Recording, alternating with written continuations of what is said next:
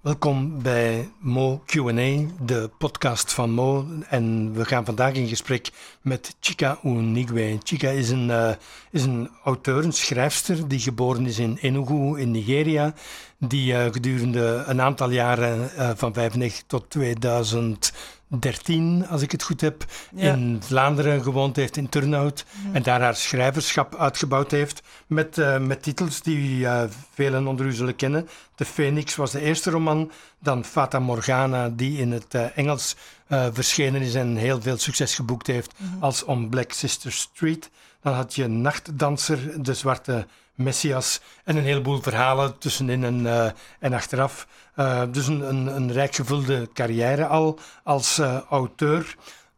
In 2013 verhuisde Chica Nugwe opnieuw, ditmaal naar Atlanta in de Verenigde Staten, mm. waar ze sindsdien ook een opgemerkte stem is in de literaire wereld.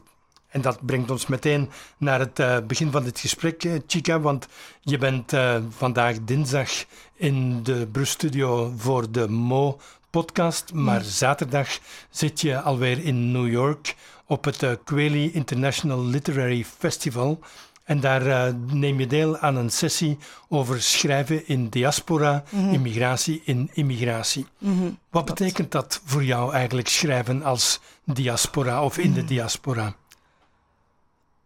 Um, soms beschrijf ik mezelf als een eternal diasporic person, want ik heb zoveel meerdere keren moeten um, verhuizen. Is van Nigeria naar, um, naar België en dan van België naar, is naar de VS en naar Canada en terug naar België en dan opnieuw terug naar de VS. En ik ben altijd benieuwd over hoe dat ik genoemd word op de verschillende plekken, weet je? En hoe dat ik beschouwd word ook als, als iemand van, van, van een andere kleur. Als mensen vanuit het globaal zuid naar globaal noord verhuisd, dan worden ze altijd beschouwen als immigranten of refugees of um, zijn drie namen het. Refugees, immigranten, de asielzoekers. Asielzoekers, ja. Maar als mensen, als, als er andersom gebeurt, dan zijn ze altijd expats. Weet je? Dus we hebben in Nigeria zoveel expats die eigenlijk geen experten zijn. Ze zijn mensen die, die, die, die allee, sommige van hen, die mensen die um, in hun eigen land geen goede job kunnen vinden, maar die dan verhuizen naar, naar Afrika om ineens experten te worden. Weet je?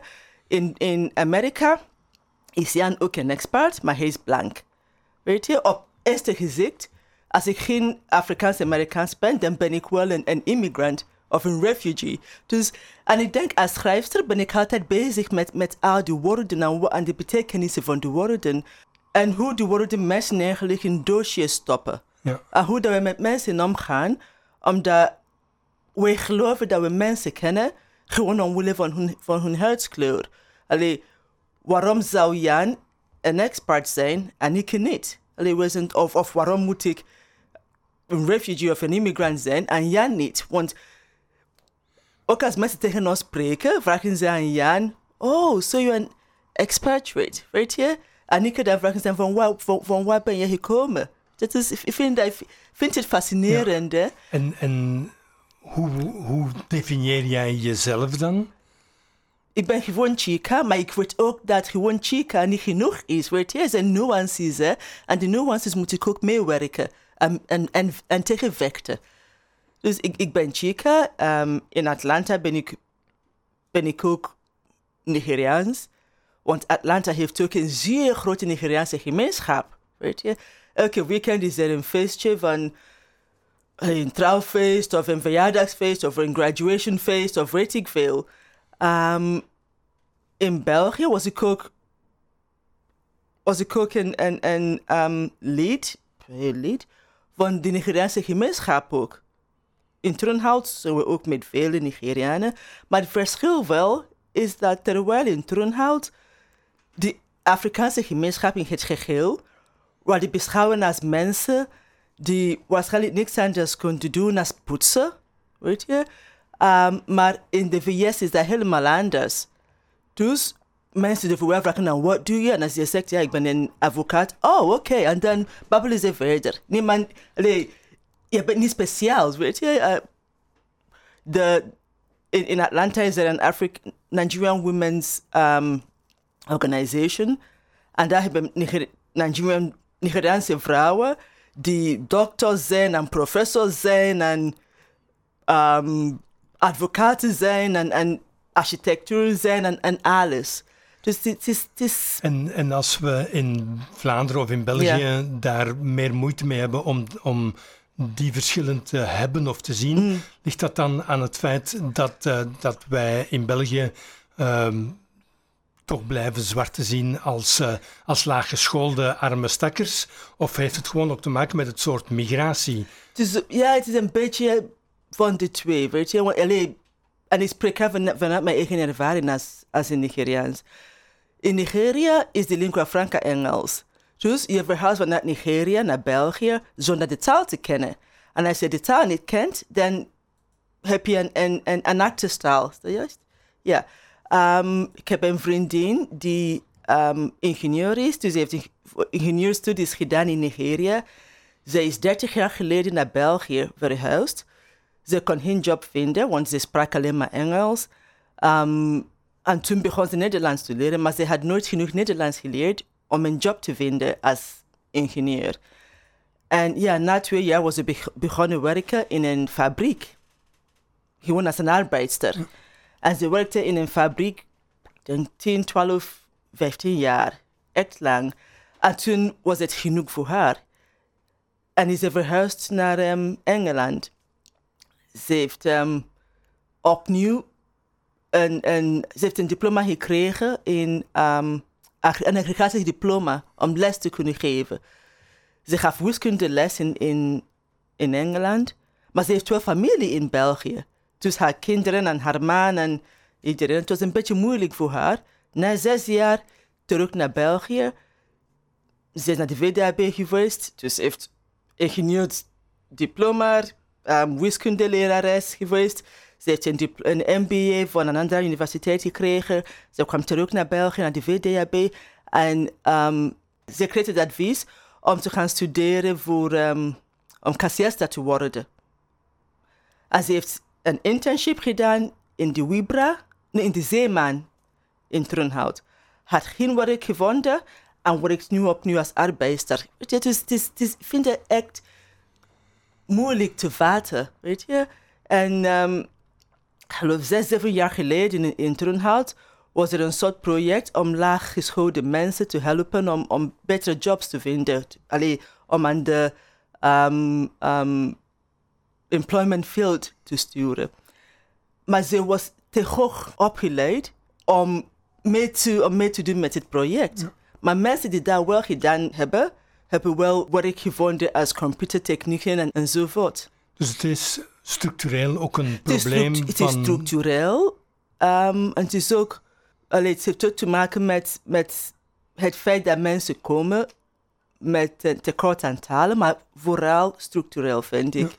Maar, maar taal is natuurlijk, zeker voor iemand uh, zoals jij, die, die daar haar ambt of haar werk van, van maakt, is natuurlijk een heel belangrijk instrument voor mensen om, om met elkaar te kunnen communiceren en ja, samen ja, te ja, werken. Ja, ja, maar er zijn ook heel veel experten, blanke experten dan in Afrika, die geen moeite doen om de taal te leren. Die geen moeite doen om in te burgeren. Dus is het altijd dat de grootste ghetto's in Afrika worden gebouwd door blanken, de experten, die naar Afrika verhuizen en die in hun enclaves wonen. Ze kennen niemand, ze kennen de namen van hun buren niet, ze spreken geen, maar geen woord van de taal. Ze eten geen eten van, van het land, dus ze gaan allemaal naar, naar hun supermarkten om kaas te kopen en weet ik veel. Dus elke keer als ik hoor, ah, de migranten bij ons, ze moeten inburgeren, vind dat zo belachelijk. Want andersom, de mensen die van hier naar Afrika verhuizen, doen geen moeite om, om in te burgeren. Om nog even terug te keren naar, naar dat schrijven vanuit, vanuit diaspora. Ja. Daar veronderstel je bijna dan ook bij dat die, die schrijvers die in de diaspora werken en, en creëren, dat die heel veel gebruik maken van hun wortels of hun culturele achtergrond. Is dat zo? En hoe belangrijk is dat? Ik vind, ik vind dat gewoon menselijk. Ik vind dat menselijk dat als je, want allee, je schrijft ten eerste als, als jezelf, je schrijft ten eerste als chica. Weet je, je schrijft als chica, je schrijft als vrouw, je schrijft als Nigeriaans, je schrijft als iemand die meerdere keren emigreert um, um, hebben. Hebt? Geïmigreerd is. Geïmigreerd is, ja. Oh, ik heb in vijf jaar uh, um, geen Nederlands meer gesproken, gesproken. Dus. Maar ja. Maar dus je zegt, uh, je schrijft als, als de vrouw die je bent, met, met alle lagen die ja, daarbij zeker, horen. Zeker, ja, ja. Maar cultiveer je dan nog die Igbo-wortels van jou, die, die achtergrond? Maar ze blijven wel. Allee, je verliest ze nooit, je wortels verliest je nooit. Ze, ze, blijven, ze blijven wel.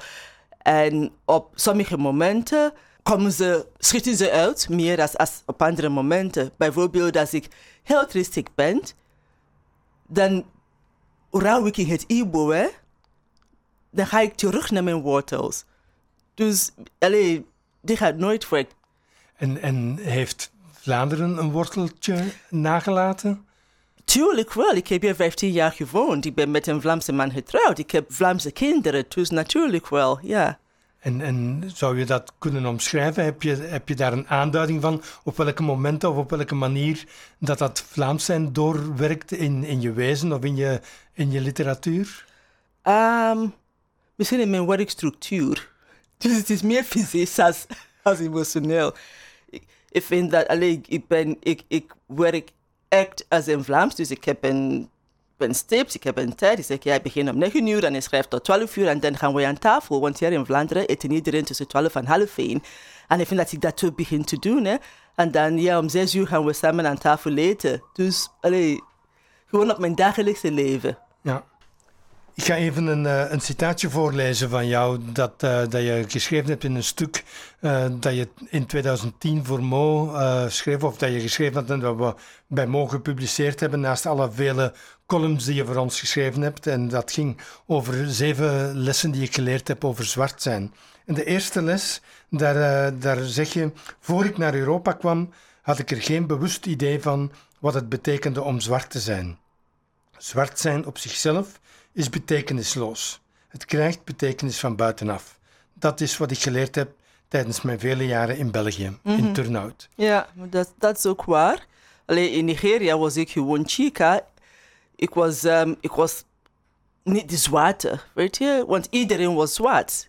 We waren alleen, um, mensen die mij gingen omschrijven of beschrijven, hebben beschrijven als, ja, ken je chica die in een soka um, gestudeerd hebt of zoiets. Hè. Nooit ken je Chica de Zwarte. En dus mensen gaan ook um, meer... Mensen, denken, dachten nooit dat ze me kenden, gewoon omwille van mijn huidskleur. En toen ben ik verhuisd naar, naar, naar, naar um, België. En ik heb dit verhaal verschillende keren al verteld. Maar ik ging naar een, een, een um, interim kantoor om een job te zoeken. En ondertussen had ik al twee diploma's. Maar ik wou gewoon een pauze nemen tussen mijn masters en mijn doctoraat om een job te zoeken. En ik, ik, ik liep in een interim kantoor binnen. En ik zei tegen die mevrouw, ah, goeiedag mevrouw, um, ik ben een werkzoekende. En ik verwachtte eigenlijk dat zij mij ging vertellen hoe ik aan de gang moet, moest gaan. Om allee, wat papieren in te vullen en zo. En, en, en, en zo. Maar zij zei ineens, ah ja, we hebben poetsvrouwen nodig. Ja, maar vandaag beginnen. Ik zei, ja, ik ook. Ik heb ook een poesvrouw nodig. Ze mag ook vandaag beginnen, want ik poes helemaal niet graag. Maar dat was voor mij echt een confrontatie van, zeg, je kent me helemaal niet. Maar je ziet mij en je ziet een zwarte en je dacht ineens, ja, ik ken haar wel. Dat had ik nooit in Nigeria gehad. Ja, ja. En, en vandaag uh, ben je in, in Atlanta. Je Ja. hebt al gezegd, er is een grote Nigeriaanse gemeenschap. Ja. Hoe word je met, met jouw huidskleur, met jouw uh, verschijning, hoe word je behandeld of gepercipieerd in de Verenigde Staten? Allee, allee, de VS onder Trump is nogal raar. Allee, um, ik heb persoonlijk nooit een probleem gehad tot nu toe, maar dat zou niet zeggen dat ik nooit een probleem zou hebben in de toekomst. Maar ehm, ik woon in een, ja, in, in witte suburbia eigenlijk. Waar de, witte suburbia, als je daar bent, dan is iedereen vriendelijk. Weet je? Ehm, ook de politieman die rond onze buurt soms um, rijdt, was altijd zo vriendelijk. Oh, hallo, en and how are you today? Om, omdat ze weten dat jij tot de betere middenklasse behoort. Want anders zou je daar niet wonen. Ja, ja, maar als ik van, van, van, mijn, van mijn buurt wegga en naar een andere buurt ga, zou ik misschien anders behandeld worden. En, en ik besef dat wel. Word jij bekeken spontaan, zonder dat mensen jou kennen, als een African American of als een African living in America? Ik denk als een African American, maar dan als je begint te spreken, vragen ze, oh, ze vragen nooit where are you from, maar ze vragen well, where is the accent from? Ja, want where are you from vinden ze een beetje brutaal. Dus het is where, where is the accent from? En dan, ja. Dan zeg je uit Turnhout. Soms wel. Soms durf ik wel België te zeggen en dan is het oké. Okay. Oh. Want niet, maar ze vragen ook niet verder, hè. Want ze denken ook, ja, als we hier zwarte hebben, zullen ze ook inderdaad zwarte hebben in België. En voor de eerste keer kunnen mijn kinderen zeggen, ja, aan België. En iemand vraagt, maar waar kom je eigenlijk vandaan? In België hadden ze daar echt moeite mee. Dat ze zeggen, ja, ik kom uit Turnhout of Bel België. Maar ze vragen, ja, maar, maar waar eigenlijk? Ja. Ja, Maar ik, waar ik ben stel, je afkomstig ik stel de vraag daarnet omdat ik denk Ja. dat eh, de sociale positie van African Americans, Ja. dat die toch dikwijls ook anders is dan van Afrikaanse migranten Inderdaad. die Dat- in de Verenigde Staten wonen. Ja, maar dat, dat, dat is ook waar. Dat is ook een van de cultureel schok dat ik, dat ik in, of cultureel schokken dat ik in, in um, Amerika um, meegemaakt had. Um, er was recent een, een poll, denk ik. Nee, niet een poll, maar um, onderzoek. En 70, blijkbaar 70% van zwarte artsen in Amerika komen uit migranten backgrounds. 70%, dat is wel veel. Maar dat, dat, heeft, dat heeft ook te maken met de structurele problemen in Amerika. Met, met, ook met, met die um, um, institutionalized racisme ook. En van, van Amerika, die we van buitenaf nooit ziet. Maar als je daar bent, dan, dan is dat echt... Um, allee, is dat meer duidelijk. Hè? Om, Dat structurele racisme werd een paar jaar geleden plots opnieuw heel erg eh, op de voorgrond Ja. gebracht door de Black Lives Matter Ja. eh, beweging. In, in de nadagen zou je kunnen zeggen van, eh, van de Obama-regering. ja. Vandaag horen we daar nauwelijks nog iets van.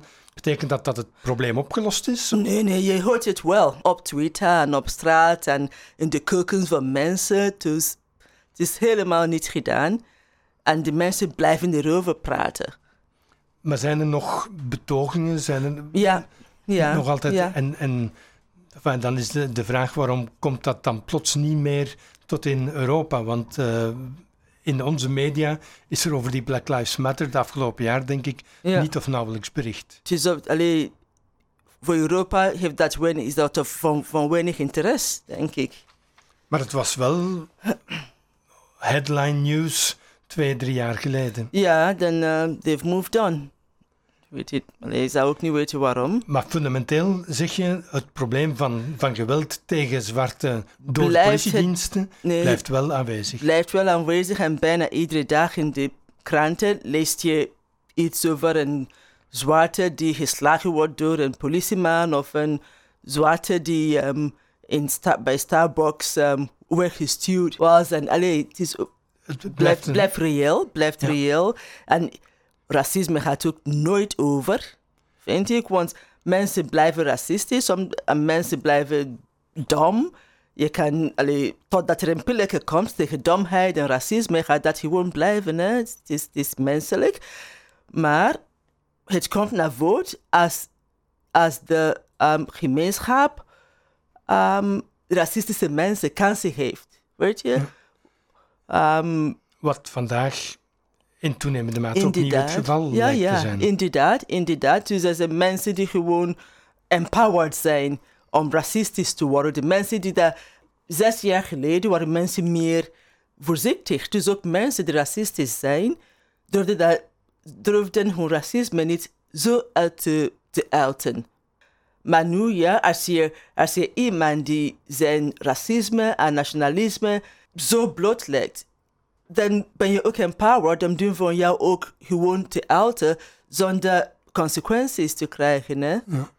In een, uh, in een interview dat ik, uh, dat ik in 2008 deed met Cornel West, mm -hmm. uh, zei hij dat hij uiteraard voor Barack Obama zou stemmen, omdat, omdat eigenlijk de kans was om, een, om eeuwen van, van structureel geweld en racisme, ja, ja. om daar iets tegen te doen. Ja. Maar tegelijkertijd zei hij toen al, voor de verkiezingen, uh, denk ik dat de verkiezing van Obama in het Witte Huis het einde van de Amerikaanse droom zal betekenen, want het zal duidelijk maken dat het succes van één zwarte man niet het succes of niet de oplossing voor de, voor de gekleurde gemeenschap brengt. De armoede zal blijven. Um, behoor jij tot degene die, bij wijze van spreken, dat zag aankomen, zoals Cornel West, of eerder tot degene die na acht jaar teleurgesteld achterblijven, zoals Tanehisi Coates, nee. die, die heel veel hoop ja, geïnvesteerd ja. had. Nee, nee, ik denk ook dat de hoop van Tanehisi een beetje kinderachtig was. Hè. Alleen de succes van één man is, van, van één zwarte, is nog niet het succes van de anti-racisme groepen in Amerika. Want ook toen Obama president was, was um, Gates, um, Henry Gates, die op Harvard doseerde.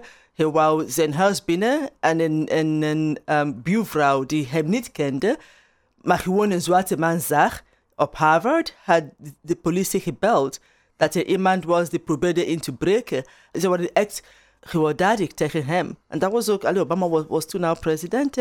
Ik denk dat voor mij de droom die, die Obama voor mij um, waar maakte, was de droom van een role model te zijn. Allee, en, en de kans te geven om andere zwarte kinderen te, te dromen. Het komt, het komt nog goed.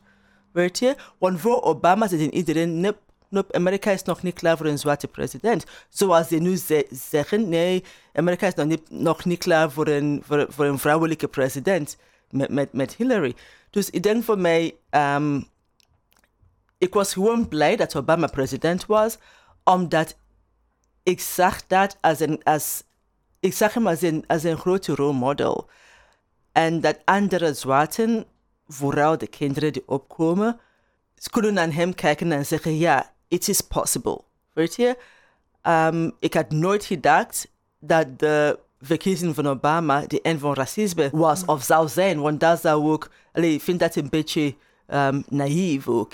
Um, ja, wat gebeurt, wat gebeurt er nu? De, de verkiezing van Obama aan de ene kant had hoop gegeven aan de zwarte. En aan de andere kant zagen de blanken, sommige conservatieve blanken, zagen dat als een threat.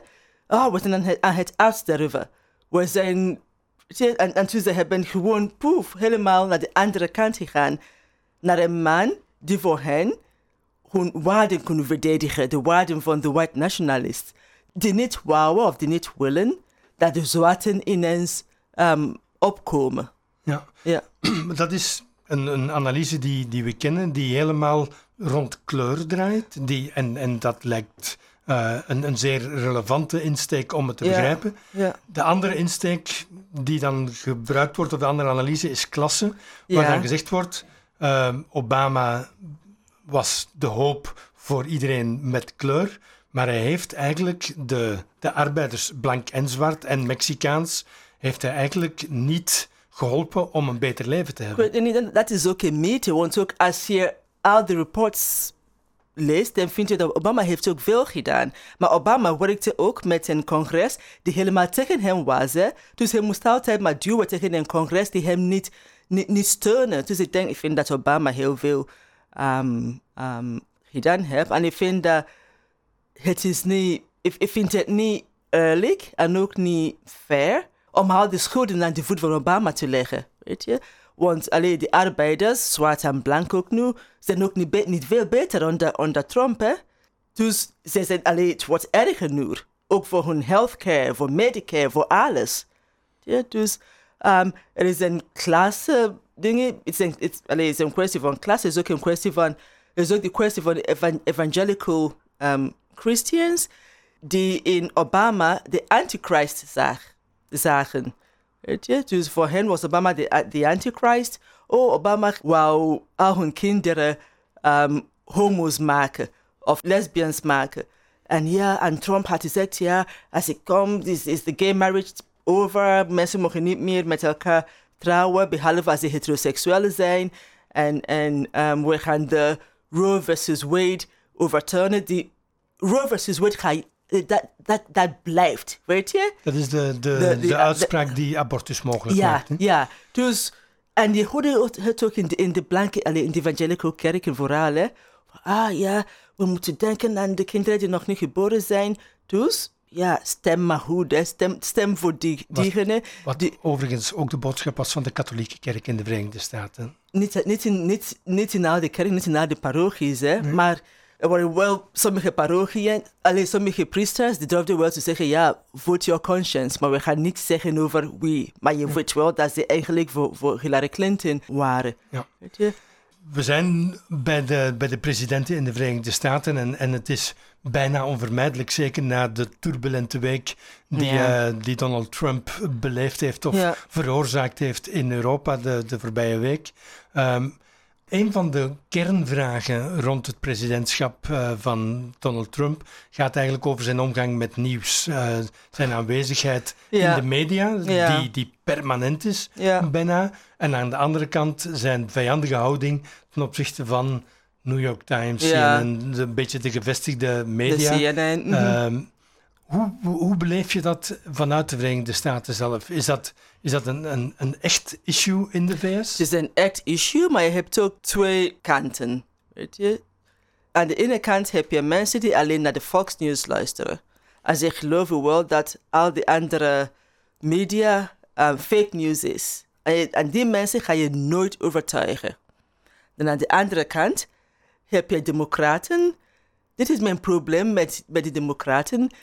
Ze zijn zeer verstandig, ze zijn progressief, maar ze willen altijd de twee kanten van een verhaal zien en horen en dan beoordelen.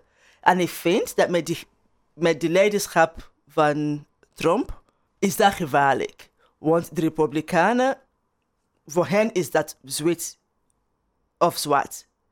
Is dat wit of zwart, sorry, je bent wel voor ons of tegen ons. Voor de Democraten is dat ja, ja, er zijn nuances, hè. Er zijn ook grijze dingen, er zijn ook um, gray areas. Dus ja, het is niet zwart of wit. Maar ik vind dat met Trump moet je eigenlijk zeggen, ja, het is niet wit, het is zwart. Je, je, je mag niet op de fence zitten. Ik was naar het luisteren, ik, ik, luisterde, ik luister heel graag naar, naar NPR. En, um, de openbare omroep, openbare zou je omroep, ja. ja. En... Uh, was een, ja, was een panelist op NPR, ook een democrat, ook een progressief, ook een zeer verstandige man. Zei ja, maar um, we, we, we, moeten Trump, we moeten niet zeggen dat Trump liegt. We moeten zeggen dat he tells untruths. Want er is een verschil. Een lie is zwart of wit. En untruth, ja, is iets dat je zegt zonder eigenlijk de waarheid te kennen. Dr. Mij, dat is toch... Dat zo belachelijk.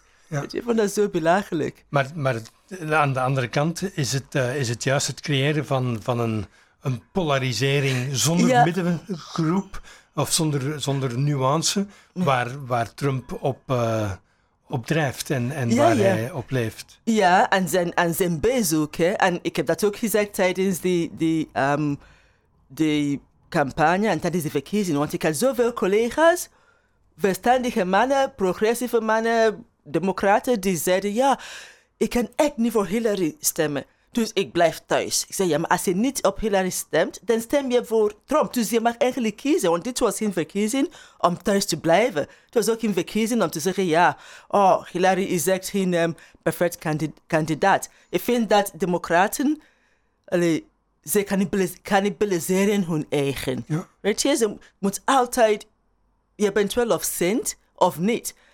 Maar Republikeinen zijn meer tribal, weet je? Dus ja, Trump is onze kandidaat. En als Trump zegt, ja, de, de look is paars vandaag. We zeggen, ja, als je zo goed kijkt, is dat toch een beetje paasachtig. We gaan nooit zeggen, nee, het is niet paars. Maar de democraten doen dat niet. En daarom vrees ik ook voor 2020, hè.